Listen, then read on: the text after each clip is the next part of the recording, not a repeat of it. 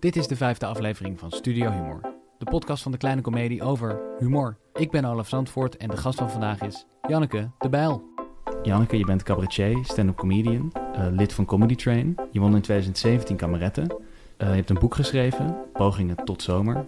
En je maakt een podcast, Sketches en Gelul. En dat is eigenlijk zowel de titel als de omschrijving van de inhoud. Ja, dat gaat, eh, gaat lekker samen. En je bent druktemaker bij het programma De Nieuwsbv op Radio 1. Klopt. Eh, en dan ehm, zou ik graag willen beginnen, voordat we echt beginnen over humor, met een vraagje over de historie van de kleine komedie.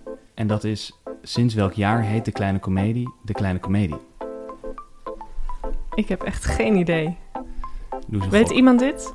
Eh, Nou, niet ja, meteen weet- blijkbaar. niet. ja, niet meteen blijkbaar, anders had je het niet gevraagd. Dus dan denk ik ehm, mm, 1952. Zo, 1948. Oh, maar dit was echt... ik, ik zou het toch op een toevalstreffer willen houden, ook al was het niet eens goed.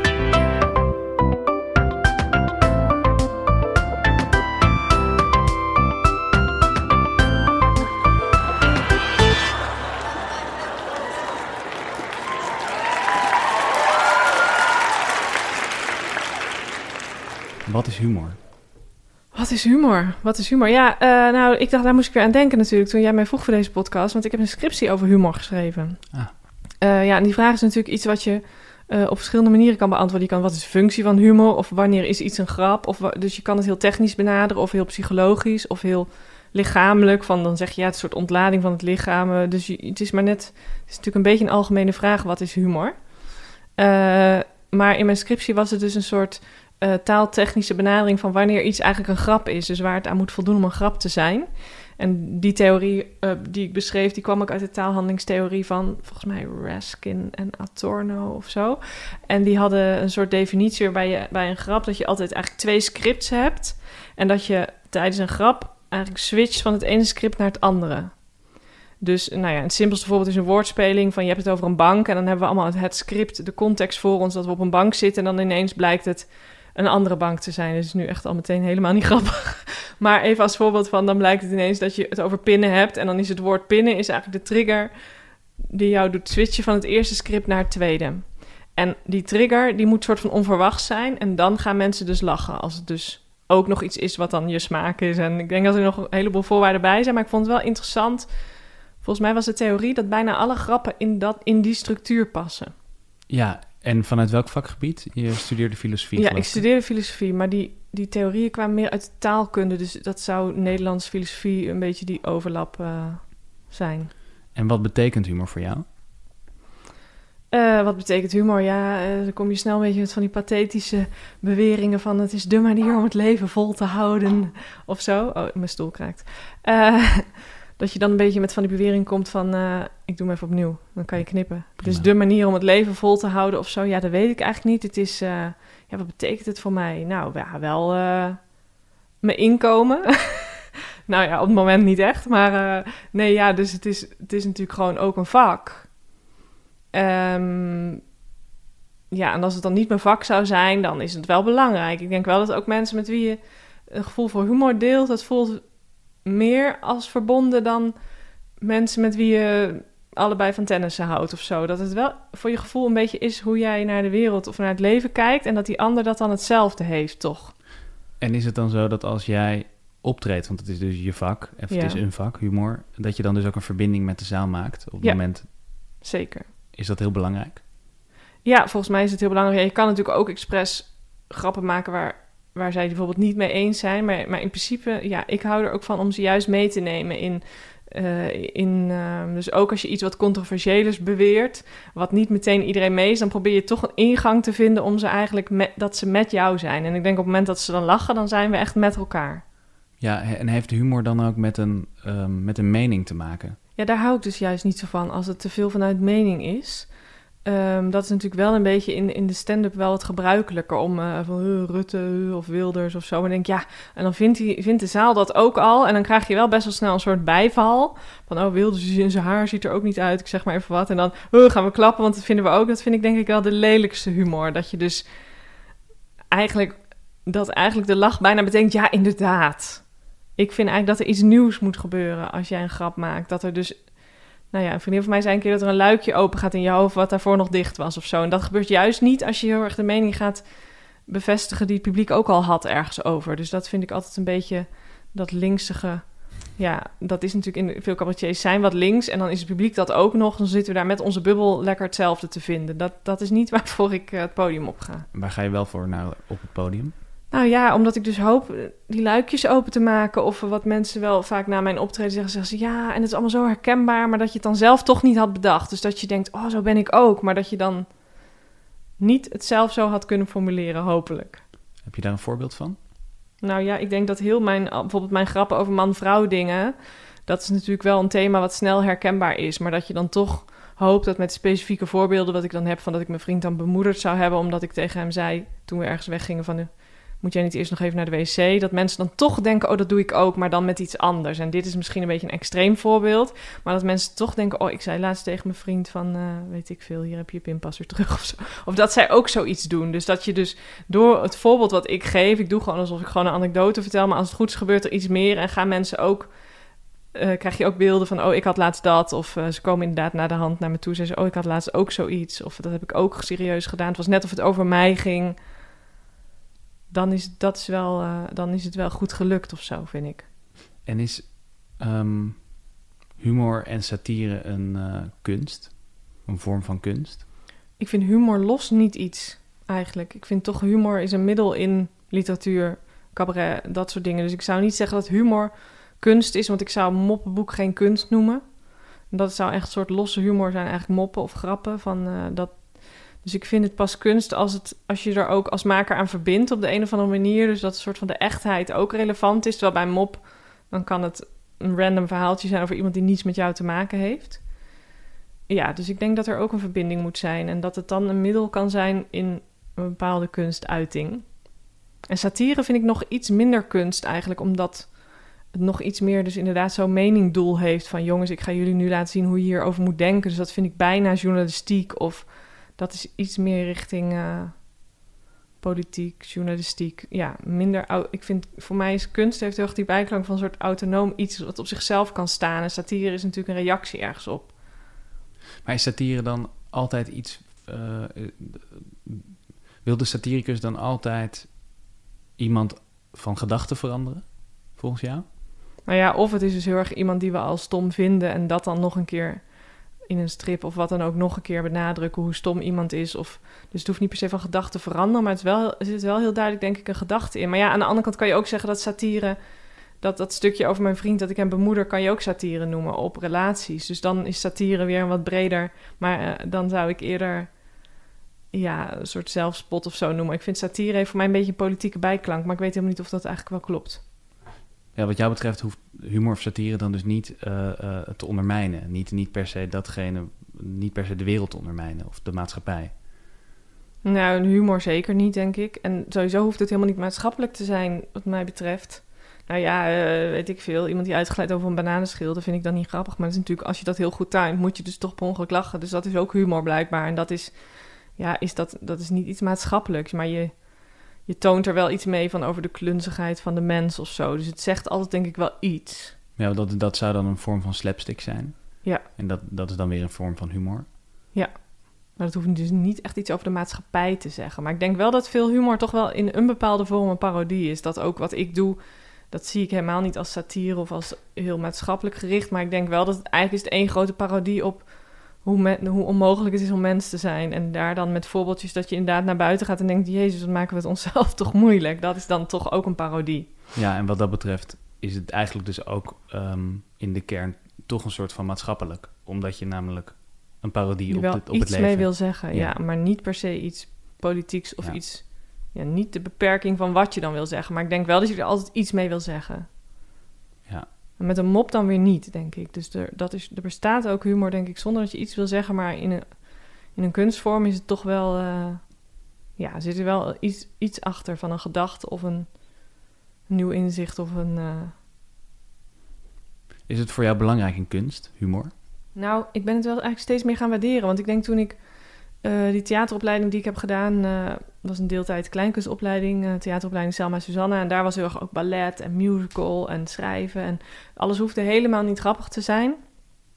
En ehm, daar vonden mensen mij dan best wel snel grappig, maar dat vond ik allemaal een beetje, dat vond ik toen ook helemaal onbelangrijk en zo. Ik dacht van ja, stand-up comedy, dat is ook maar alleen maar grappen. Dat, in het begin moest ik daar eigenlijk niks van weten.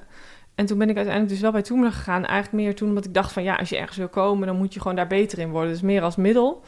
Maar toen ik daar eenmaal zat, ben ik het eigenlijk steeds meer gaan waarderen. Van dat een goede grap is toch echt ten eerste veel moeilijker dan je denkt. Het is super technisch eigenlijk, ook talig, hoe je dat dus opbouwt. En, en het is gewoon echt een ambacht of zo. Plus dat hij is eigenlijk voor mijn gevoel pas echt goed als ook alleen jij hem had kunnen maken. Dus dat je hem ook nog heel sterk verbindt met jouw personage of jouw type, hoe jij op het podium staat. En dan is het dus ook wel echt meer dan gewoon grappen maken. Maar dan is het echt dat die mensen een kijkje mogen krijgen in jouw hoofd of in jouw overdreven manier. Want je vergroot dat natuurlijk uit van naar de wereld kijken. Dus dan is het echt wel meer dan moppetappen. En dat was altijd ook een beetje mijn vooroordeel, denk ik. En weet je nog dat moment dat je, dat, dat je opeens doorhad dat humor meer was? Nou, ik denk in het begin toen ik net aangenomen was bij Comedy Train, toen ging het gewoon heel vaak slecht. Dus dan dacht ik, oh, het is echt veel moeilijker dan ik dacht. En ook wel van, waarom doe ik dit? Um, ja, en op een gegeven moment ben ik ook wel gaan lesgeven. Ik vind lesgeven altijd heel leuk. En ik heb ook op mijn oude theateropleiding lesgegeven. En dan ben ik ook heel technisch bezig met die studenten van... als je dit nou omdraait, dan is het logischer. Of dan zijn, hier raken we je kwijt. Maar als je die zin nou toevoegt, dan zijn we mee. En dan is dat de grap. En als je dat woord dan aan het eind van de zin zet... en dan, en dan zie je eigenlijk, doordat je het aan anderen probeert te leren... dan merk je eigenlijk wat voor een ambacht het is. En dan schud ik wat voorbeelden uit mijn mouw. En dan zeggen ze van jeetje dat je dat allemaal zomaar verzint. En denk ja, dat is omdat ik me nu al drie jaar hier op stort. Dus dan voel je ineens van dat je een soort skill uh, hebt verworven. Dat is altijd wel goed aan lesgeven eigenlijk. Dat je, dat je door dat je het aan een ander vertelt ineens hoort wat je eigenlijk inmiddels weet zelf. Nog even over, over humor. Humor kan ook schuren. Uh, ja. En dus beledigen. Ja. En misschien is het wel de bedoeling van humor dat het schuurt en uh, op een bepaalde manier over een grens gaat, om namelijk de grenzen daarmee te stellen. Uh, hoe denk jij daarover? Ja, dan bedoel je een beetje ook de huidige discussie van je mag niks meer zeggen en dat allemaal? Of, uh...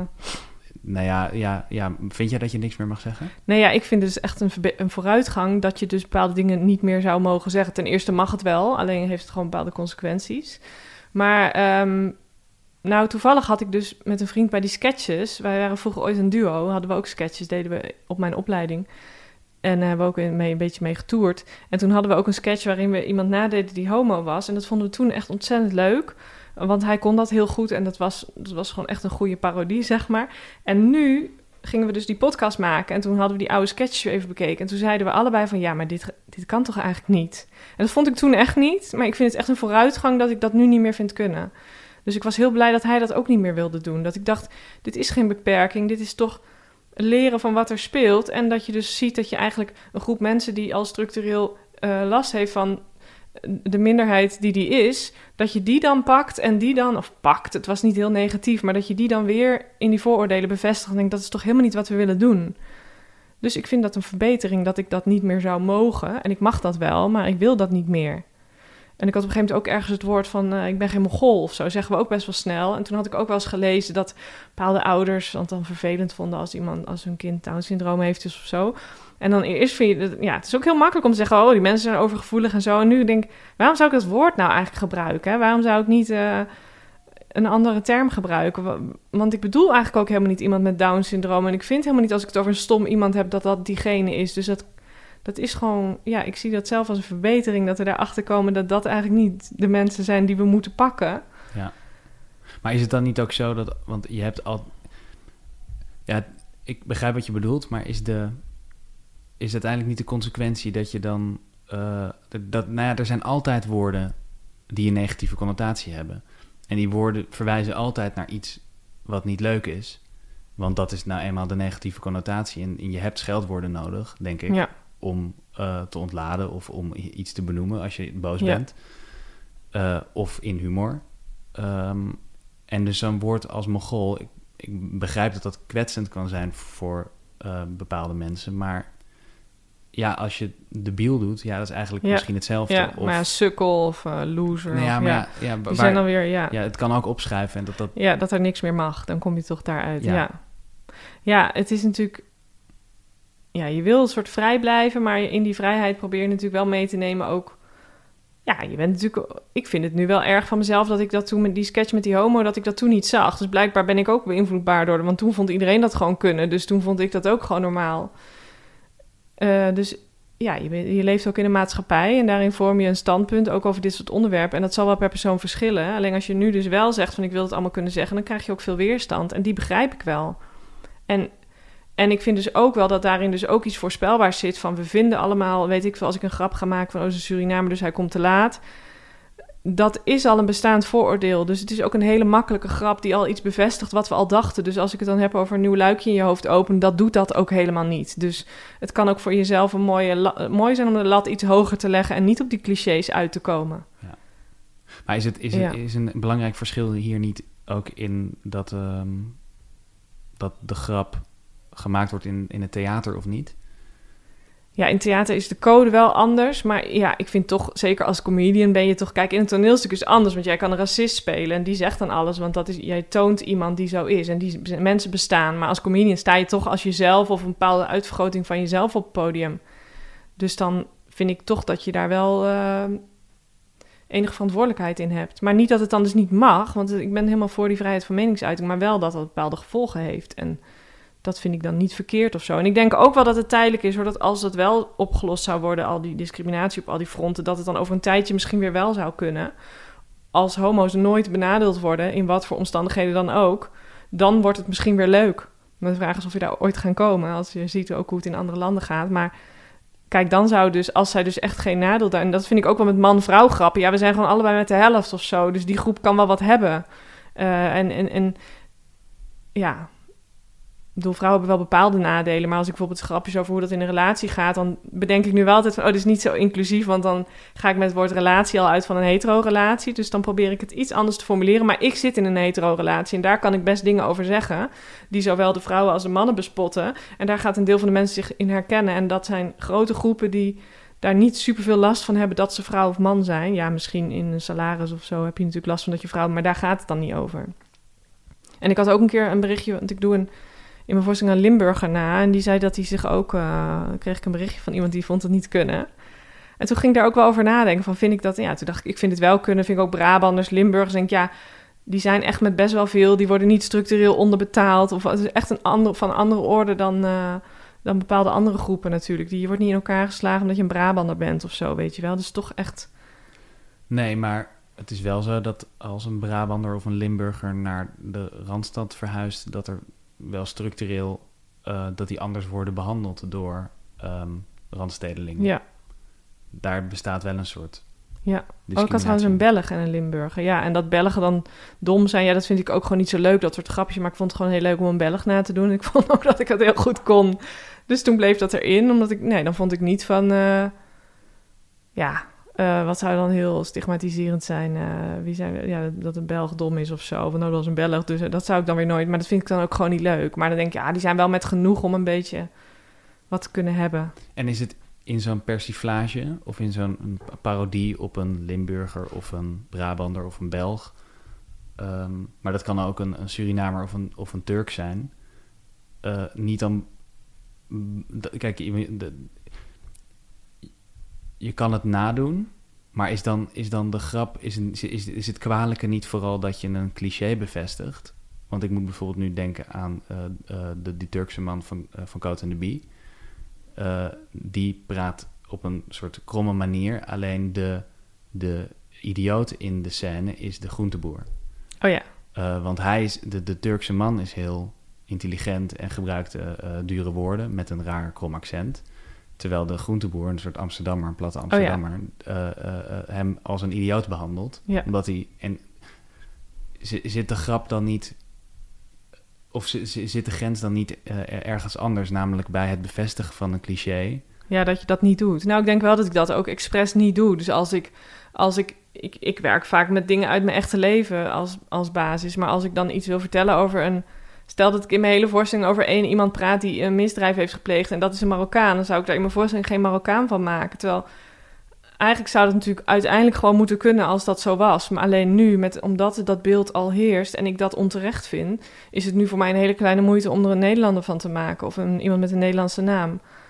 Eh, maar eigenlijk is dat natuurlijk wel raar, dat dat, want dat kan natuurlijk gewoon. Alleen omdat dat beeld er is, wat onterecht is, wil je daar dan niet verder aan bijdragen. Dus dan, dan ga je je dus wel een beetje inhouden, maar met heel veel dingen is dat helemaal geen, doet dat helemaal niet af voor mijn idee. Ja. Maar kijk, als nu dus gaan dus mensen zeggen, eh, Engeland heeft verloren uh, de racistische uitlatingen over dat de zwarte de penalties missen. Ja, dat slaat natuurlijk helemaal nergens op. En dat, ja, dat dat is gewoon, uh, ja, wat wil ik daar nou over zeggen? Nou ja, dat zo makkelijk dan dingen daar naar het zwart zijn geschoven worden, dat dat zwart zijn dus een bepaalde bijklank krijgt die ik helemaal niet wil. En ik wou dat hij er niet was en dan kon ik alles zeggen. Maar nu is die er dus, blijkt al weer uit dit belachelijke nieuws. Dus ja, dan, dan, dan zie ik niet in waarom ik dat nog extra zou doen door één zwart iemand dan een slecht iemand in mijn voorstelling te maken, als dat verder ook helemaal niet toevoegt of die zwart of wit is. Maar eigenlijk zou natuurlijk al die discriminatie moeten niet moeten, aan de hand moeten zijn. En dan zou ik prima over een zwarte iemand kunnen vertellen. Dus ik denk dat je soms een tijdje iets niet kan doen of ergens... Net als met positieve discriminatie, daar ben ik heel lang tegen geweest. Dacht ik, ja, ik wil niet worden aangenomen omdat ik een vrouw ben of zo. Maar eigenlijk is het zo dat als je niks doet, dan word je dus heel vaak niet aangenomen omdat je een vrouw bent of, of lager betaald. Dus er is, als je niks doet, is er ook discriminatie. Dus ik ben die positieve discriminatie ben ik gaan waarderen eigenlijk als een middel om een tijdje iets gelijk te trekken. Wat natuurlijk eigenlijk al nooit scheef had mogen zijn. Om daarna, als we, dan, als, het, als we het dan wel normaal vinden dat er gewoon 50% van de vrouwen in de politiek zit. En we niet steeds aan ze vragen van hoe combineer jij je werk met je kinderen. Dat we dan in die tijd wel weer gewoon. Uh, uh, waar begon ik nou eigenlijk? Met dat. Uh, positieve discriminatie. Ja, dat die positieve discriminatie. Uiteindelijk wil je natuurlijk niet een situatie waarin je steeds mensen gaat aannemen omdat ze vrouw zijn. Maar ik snap het middel nu gewoon heel goed. Dat het anders is het ook oneerlijk. En het lijkt dan van, ja, dan gaan we mensen bevoordelen en dan dat je dan een voordeel krijgt omdat je zielig bent. Nee, je bent zielig omdat je al die tijd benadeeld wordt. Ja. Ja. Ja, probeer je dan hier met jouw humor een bijdrage aan te leveren? Of dan dus... Nee, ik probeer het niet erger te maken. En verder wil ik gewoon doen wat ik zelf leuk vind. Dus ik voel me ook niet dat ik hier dan een missie in heb. Dus ik hoef niet van mezelf... Ehm, ja, ik hoef van mezelf niet. Uh, ik heb wel een soort idealisme, maar dat hoef ik van mezelf niet in mijn voorstellingen van. Oh, nu heb ik een publiek, nu ga ik ze aanspreken op dingen. Dat heb ik niet. Ik wil gewoon maken wat ik leuk vind, maar daarbinnen wil ik heel graag met deze grenzen rekening houden. En anderen willen dat misschien niet. En die doen dat dan niet. En dan leven we nu in een tijd waarin mensen, een deel van het publiek dan misschien denkt van hé, hey, maar uh, dit vinden wij niet meer kunnen. Ja. Twee gekken zijn ontsnapt uit het gekkenhuis en ze komen ergens terecht waar ze over een hele lange spoorrails lopen. Zegt die ene gek tegen die andere gek: Jeetje, dit is wel een lange trap. Zegt die andere gek: Ja, dat is niet zo erg, maar de leuning zit zo laag. Heb jij nou ook een goede mop? Stuur hem dan in een spraakbericht naar olaf.dekleinecomedie.nl En misschien zit jouw mop dan ook wel in de volgende aflevering.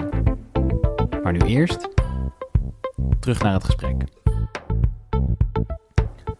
Joost Nuisel, oud-directeur van de Kleine Comedie, zong ooit het volgende. En ik ben blij dat ik je niet vergeten ben. Dat ik nog zoveel kleine dingen van je ken. Omdat ik steeds ben blijven dromen dat het toch zo ver zou komen, ben ik blij dat ik je niet vergeten ben.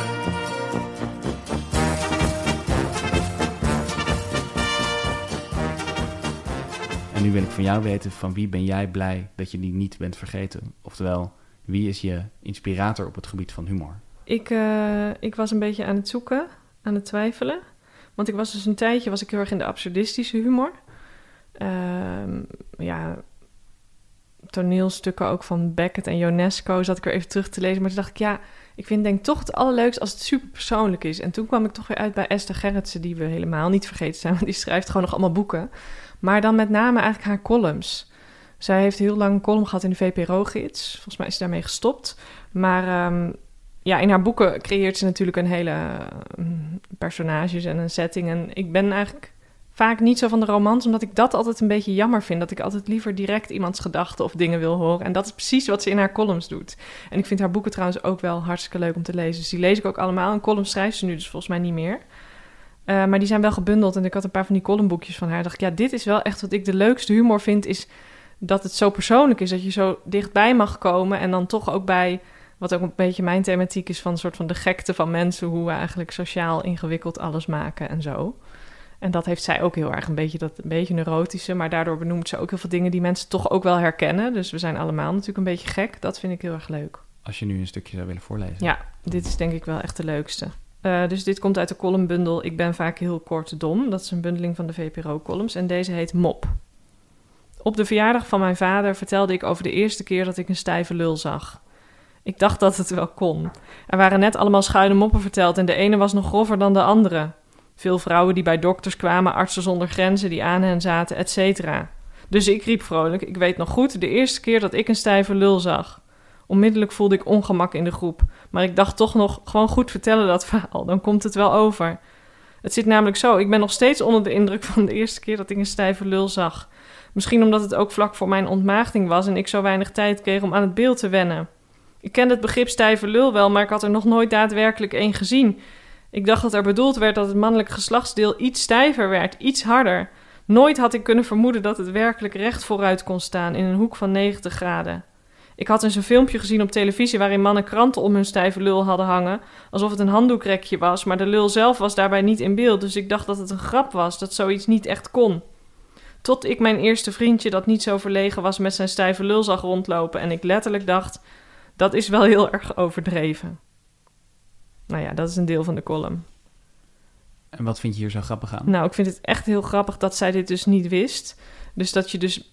Je kan het je ook voorstellen, dat is natuurlijk ook nog de tijd van niet al heel veel porno en zo. Dus dat je dat echt niet wist en dat ze dat dan dus met ons deelt. Terwijl het super persoonlijk is eigenlijk.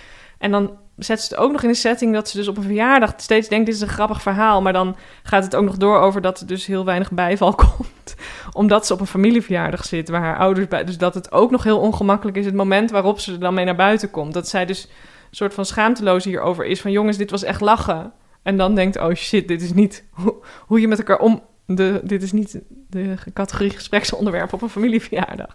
Dus ik vind dat zo leuk dat wij dat allemaal mogen weten van haar.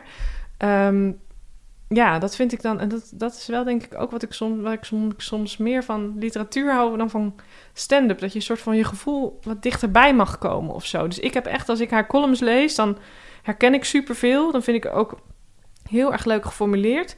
En dan wil ik gewoon, ik wil eigenlijk gewoon vriendinnen met haar zijn als ik dit lees. En denk ik haar moet ik in mijn leven hebben eigenlijk. Dat gevoel, dat iemand dus, voor mijn gevoel ken ik haar dus super goed. Wat natuurlijk onzin is, want zij zal ook delen van zichzelf uitvergroten. En ik kan helemaal niet controleren of dingen waar zijn. Maar ik vind dat gevoel wel het allerleukste, denk ik. Dat je voor je gevoel iemand heel goed kent.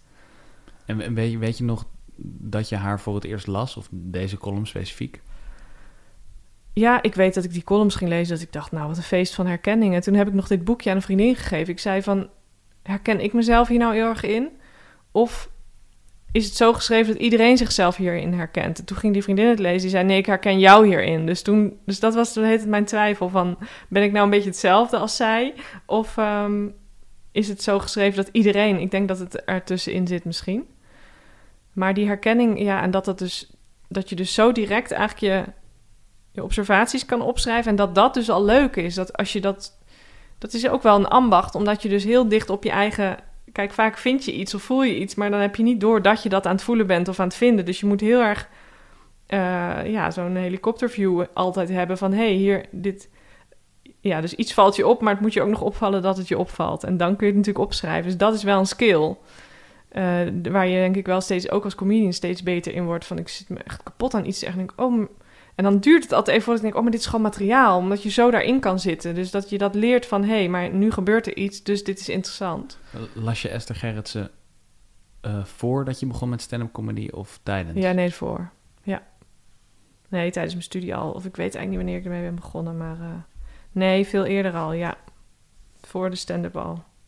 En had je toen al direct een idee, um, ik wil ook zoiets doen? Ja, dat, dat wel, ja. Dat ik ook dacht van gewoon zo direct kleine observaties die dan dat we maar mijn boek is in die zin ook een beetje in die stijl, maar dan zijn het kortere stukjes, maar dat ik dus ja, het heeft me wel echt geïnspireerd om ook mezelf te gaan observeren, zeg maar.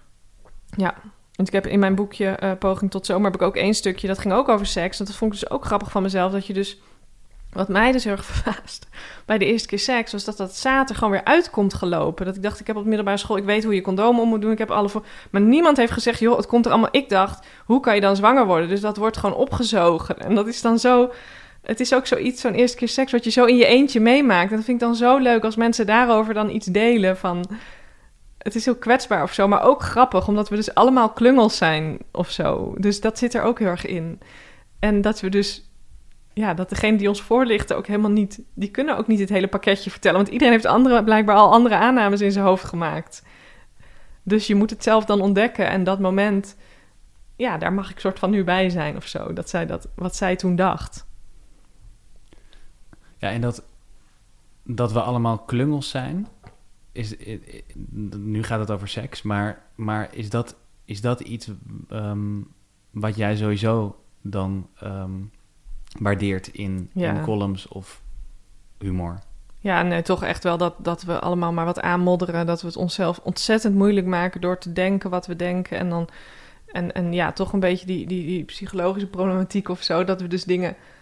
Dat het zo moeilijk voor mensen is om gelukkig te zijn ook. Dat we dus zoveel gedachten en dingen hebben die dat in de weg staan. Dat is ook wel een beetje mijn thematiek. Ehm, ja, dat hele sociale gedoe. Dus inderdaad met seks, wat jij denkt dat die ander denkt. Maar ook met, eh, ja, dat zit in alles. Als je een afspraak afzegt, hoe je dat dan verwoordt, dat die ander zich niet bezwaard voelt en al het gedoe in wat je dan in zo'n appje steekt. Of daar, ik vind appjes zou ook een heel, heel grappig iets kunnen zijn om een heel boek aan te wijden. Hoe, hoe je dus in appjes sociaal je best doet en dat het dan toch misgaat of zo. Dat is wel, en dat is een soort slapstick natuurlijk, maar dan niet fysiek. Kan niet je- fysiek struikelen, maar wel een soort van sociaal struikelen of zo. Is het mogelijk om eh, over klungels te vertellen, of over dat klungelen van de mensheid te vertellen zonder humor? Ehm, ja, ik denk dat er veel, veel wetenschappelijke artikelen zijn die gewoon beschrijven van hoe mensen voelen zich zo vaak opgelaten met percentages of zo. Dan schrijf je er op zich ook over dat je gewoon de feiten zou kunnen verzamelen. Maar ik denk zodra je dus iets van jezelf daarin voorbeelden geeft, dat het wel snel grappig wordt. Maar aan de andere kant moet het ook weer niet te cliché zijn, want dan lachen we niet, want dan hebben we het zelf al een keer bedacht. En het moet ook weer niet te raar zijn, want dan denk je, ja, maar jij bent gewoon gek. Dus het is wel zoeken naar de, dat ik dus wel denk hier bij dit voorbeeld van... ik kan me voorstellen, ik had dit zelf niet en kan me dit wel voorstellen. En daarom kan ik lachen. Want als, ik, als zij zegt van de eerste keer dat ik eh, seks had... dacht ik, eh, dit wil ik voortaan, eh, weet ik veel... eh, dit wil ik voortaan in, in de meterkast doen of zo. Dan, dat herken ik te weinig. Dus dan, dit slaat helemaal nergens voor. Maar dat is, er moet wel net... Ja, je moet mensen toch meenemen, wil je gaan lachen. Dus er moet nog wel veel kloppen, wil het lukken. Maar het falen, dingen die misgaan, daar moeten we... Dat is natuurlijk wel echt die bananenschil ook. Dat we daar dus om moeten lachen. Om, omdat het mislukt eigenlijk. Daar moet ik niet om lachen. Maar dat is natuurlijk wel een klassiek beeld van... van ja, ik denk dat we heel vaak nog eh, uitglijden. Maar dan eh, op andere manieren. Ja, ben je daar naar op zoek in je eigen werk? Nou, ik ben denk ik nergens concreet naar op zoek. Ik probeer gewoon zo dicht mogelijk bij wat me bezighoudt te blijven. En dat schrijf ik allemaal op. En dan kijk ik wat ik heb. Maar ja, daar zit wel veel ongemak in. En dat houdt me gewoon blijkbaar bezig. Dus dat komt dan vanzelf wel. Ja, dingen die misgaan is wel altijd wel interessant, denk ik. Omdat we willen denk ik ook niet iemand zien op een podium bij wie alles lukt. Dus we willen sowieso weten waar jij worstelt of waar jij klungelt. We willen liever horen van ja, ik ben verhuisd.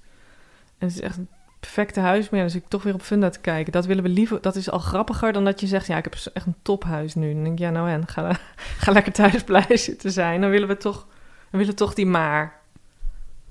Ja, denk je dan ook dat, dat het niet anders kan? Eigenlijk. Dat wat niet anders kan. Dat het, niet, dat, dat, dat het leven gewoon alleen maar kan bestaan door die imperfectie. Ja, ik weet eigenlijk niet. Ik zit even te denken hoe het bij dieren zit. Maar je hebt natuurlijk ook veel van die filmpjes van dat katten misspringen en zo. Dat kijk ik eigenlijk nooit. Maar dat het dus ook dat soort van grappig, soort van. Ik vind het wel grappig als mijn kat struikelt en daarna doet alsof ze alsof het niet gebeurd is door zich snel te gaan wassen. Dat vind ik wel gewoon echt. Maar katten moeten natuurlijk niet om elkaar lachen of zo. Dus ik weet niet of het echt bij het leven hoort, of dat het bij mensen hoort, of dat het ook komt doordat wij taal hebben. Ja, waarom, eh, waarom is dit een onderdeel van ons leven? Ik weet eigenlijk niet. Ja, er gaan altijd overal dingen mis. Alleen, eh, ik denk wel dat dit misschien pas meer ontstaan is toen we de ruimte over hadden voor dit soort dingen. Want als jij honger hebt en eten moet zoeken of oorlog hebt, dan is humor niet zo. Ja, ik weet niet in hoeverre mensen dat dan gebruikten. Maar dan, het is ook wel een luxe om een soort speels te kijken naar wat je aan het doen bent. Dus die, die reflectie en dat beschouwende. Misschien als je echt in een oorlog zit, dat het wel meer vanuit woede of zo ook humor kan ontstaan. Maar dat dit beschouwende en van goh, hoe zitten mensen eigenlijk in elkaar? Dat komt wel nadat ik gegeten heb of zo. Zeg, nadat ik weet dat ik deze week eten heb. Ja, want heeft, heeft iedereen dan gevoel voor humor? Ja, Je weet had, ik het over je, had, niet. je had het over dieren en over katten. En ja, ik bedoel, ja, waar ligt dan... Ja, die, zo, voor zover wij kunnen zien, hebben ze dat niet bij, met elkaar onderling daar iets Ja. mee. Doet het er niet toe of zo. Ja, dus misschien heb je er een soort extra reflectie nog voor nodig op jezelf. Om, omdat je dus behalve hoe iets is ook moet zien hoe het had kunnen zijn. Of dat soort dingen. Dat je daardoor ergens om kan lachen door dat contrast of zo. Ik weet het niet. Maar ik denk dat bijna iedereen wel humor heeft. Maar ik denk ook dat, dat het bij humor hoort dat jij jouw humor heel normaal vindt. Want soms zeggen mensen ook tegen mij van... Nou, het is wel heel eh, zwartgallig. Of ik denk, zwartgallig, dit is gewoon hoe het leven is. Dus voor mij is het zo vanzelfsprekend dat dat mijn humor is. Dat is denk ik ook hier. Niet van, goh, wat voor humor zal ik eens kiezen? Ja, dus ik denk dat het wel echt samenhangt met je wereldbeeld. En dat iedereen leeft in zijn eigen wereldbeeld. En daarbinnen is het een grappig en het andere is echt verschrikkelijk. Maar dat hebben andere mensen dan misschien andersom. Ja, maar je zei net wel dat in een oorlogssituatie... dat je, eh, dat je dan dacht dat mensen misschien... als ze eh, enorme honger lijden... dat dan humor daar niet per se een essentieel ding in is. Maar is dat dan juist wel essentieel... om het allemaal draaglijk te maken? Ja, dat weet ik eigenlijk gewoon echt niet. Hoe dat dan. Nee, maar dan, dan kan ik me wel voorstellen dat op een andere manier dat je niet dit soort sociale observaties van wat Esther Gerritsen ook een beetje dat beschouwende, dat dan je kan ook vanuit woede iemand dan misschien is er dan ook meer noodzaak om ja, de noodzaak nu om met z'n allen Rutte stom te vinden, die voel ik gewoon nu niet. Terwijl misschien als Rutte mijn dictator was, dan had, was die er wel geweest. En dan had ik wel satire staan te maken over de politiek, omdat er meer op het spel stond of zo. Dus, Ja. dus ik denk dat wij ook vrij veel afstand van de politiek voelen. Maar dat als je in een andere situatie zit, dat het heel erg urgent kan voelen. En ehm, dat je dan misschien juist dat als onderwerp of insteek voor humor ook neemt. Ja, je zei net dat iedereen... eh, waarschijnlijk iedereen wel humor heeft.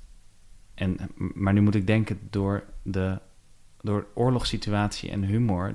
dat ik me dus niet kan voorstellen dat de mensen bij IS humor hebben. Maar dat kan dan toch ook bijna niet anders? Dan dat ze het dat wel ook- hebben. ja, dat ze het wel hebben. Ja. Maar wat dan? Ja. Ja. en wanneer? Nou, het lijkt me wel heel fijn als ze af en toe even afstand nemen. Van, ook ja, toch even ontladen of zo. Ja, Ja. ik denk dat het natuurlijk. Het is er vast altijd wel. Ja, maar ja... ja. Maar ja, toch ga je niet lachen als iemand struikelt als hij daardoor wo- wordt neergeknald of zo. Ik bedoel, er is dan Nee. wel. Je hebt wel overleven en dan heb je daarna. Daarna komt de rest of zo, denk ik. Ja, maar in een tijd. Ja, ik denk zeker als zo'n tijd langer duurt, dan moet je ook toch weer jezelf of zo vermaken. En dat is wel met humor. Kan je natuurlijk. Taal heb je altijd bij je, al heb je verder niks. Dus je kunt altijd dingen bedenken of nadoen. Of, dus het zal vast wel een middel zijn wat in alle situaties wel kan eh, ja. gebruikt worden. Maar ik zal ook geen historische uitspraak hierover durven doen hoor. Daar weet ik gewoon niks van. Zou je nog iets willen zeggen over humor? Nou ja, dat het dus soms eigenlijk ook, want dat vind ik ook weer als je die column van Esther Gerrits als voorbeeld neemt, dat het soms gewoon makkelijker is dan je denkt. Of het is heel moeilijk om zo dicht op die observatie van je eigen gedachten te zitten. Maar als dit gewoon is hoe het was bij haar, wat ik dus echt denk, dan is het ook weer heel makkelijk. Want ze heeft alleen maar op hoeven schrijven wat ze op dat moment dacht en deed. Dus ik vind soms dat mensen te veel uit de kast halen om leuk te zijn. En, en te ver afgaan van wat ze echt dachten of voelden. Of dus dat het een soort pleidooi zou kunnen zijn voor om heel dicht bij, je, bij jezelf te blijven. En dan bedoel ik heel dicht bij de echte situatie met de echte gedachten. Dat is vaak al grappig genoeg als je leert om dat heel goed te verwoorden. Dit was Studio Humor. Mijn naam is Olaf Zandvoort en te gast was Janneke de Bijl. Je kan deze podcast sterren geven. Hoe meer, hoe beter natuurlijk. Je kan ook abonneren. En deel de podcast met al je vrienden en familie. Hou www.dekleinecomedie.nl in de gaten voor de kaartjes. Ook voor de kaartjes van Janneke natuurlijk, want dat is waar we het allemaal voor doen. Volg De Kleine Comedie op Instagram, Facebook en Twitter. En wil je nou helemaal niets meer missen? Abonneer je dan op de nieuwsbrief. De vormgeving is van Doris Konings en de muziek is van Brand Peijen Teunis. Alle aangehaalde voorbeelden zijn te vinden in de show notes. Ga dat dus zeker even bekijken. En dan rest mij nu niks anders nog te zeggen dan bedankt voor het luisteren en tot de volgende keer.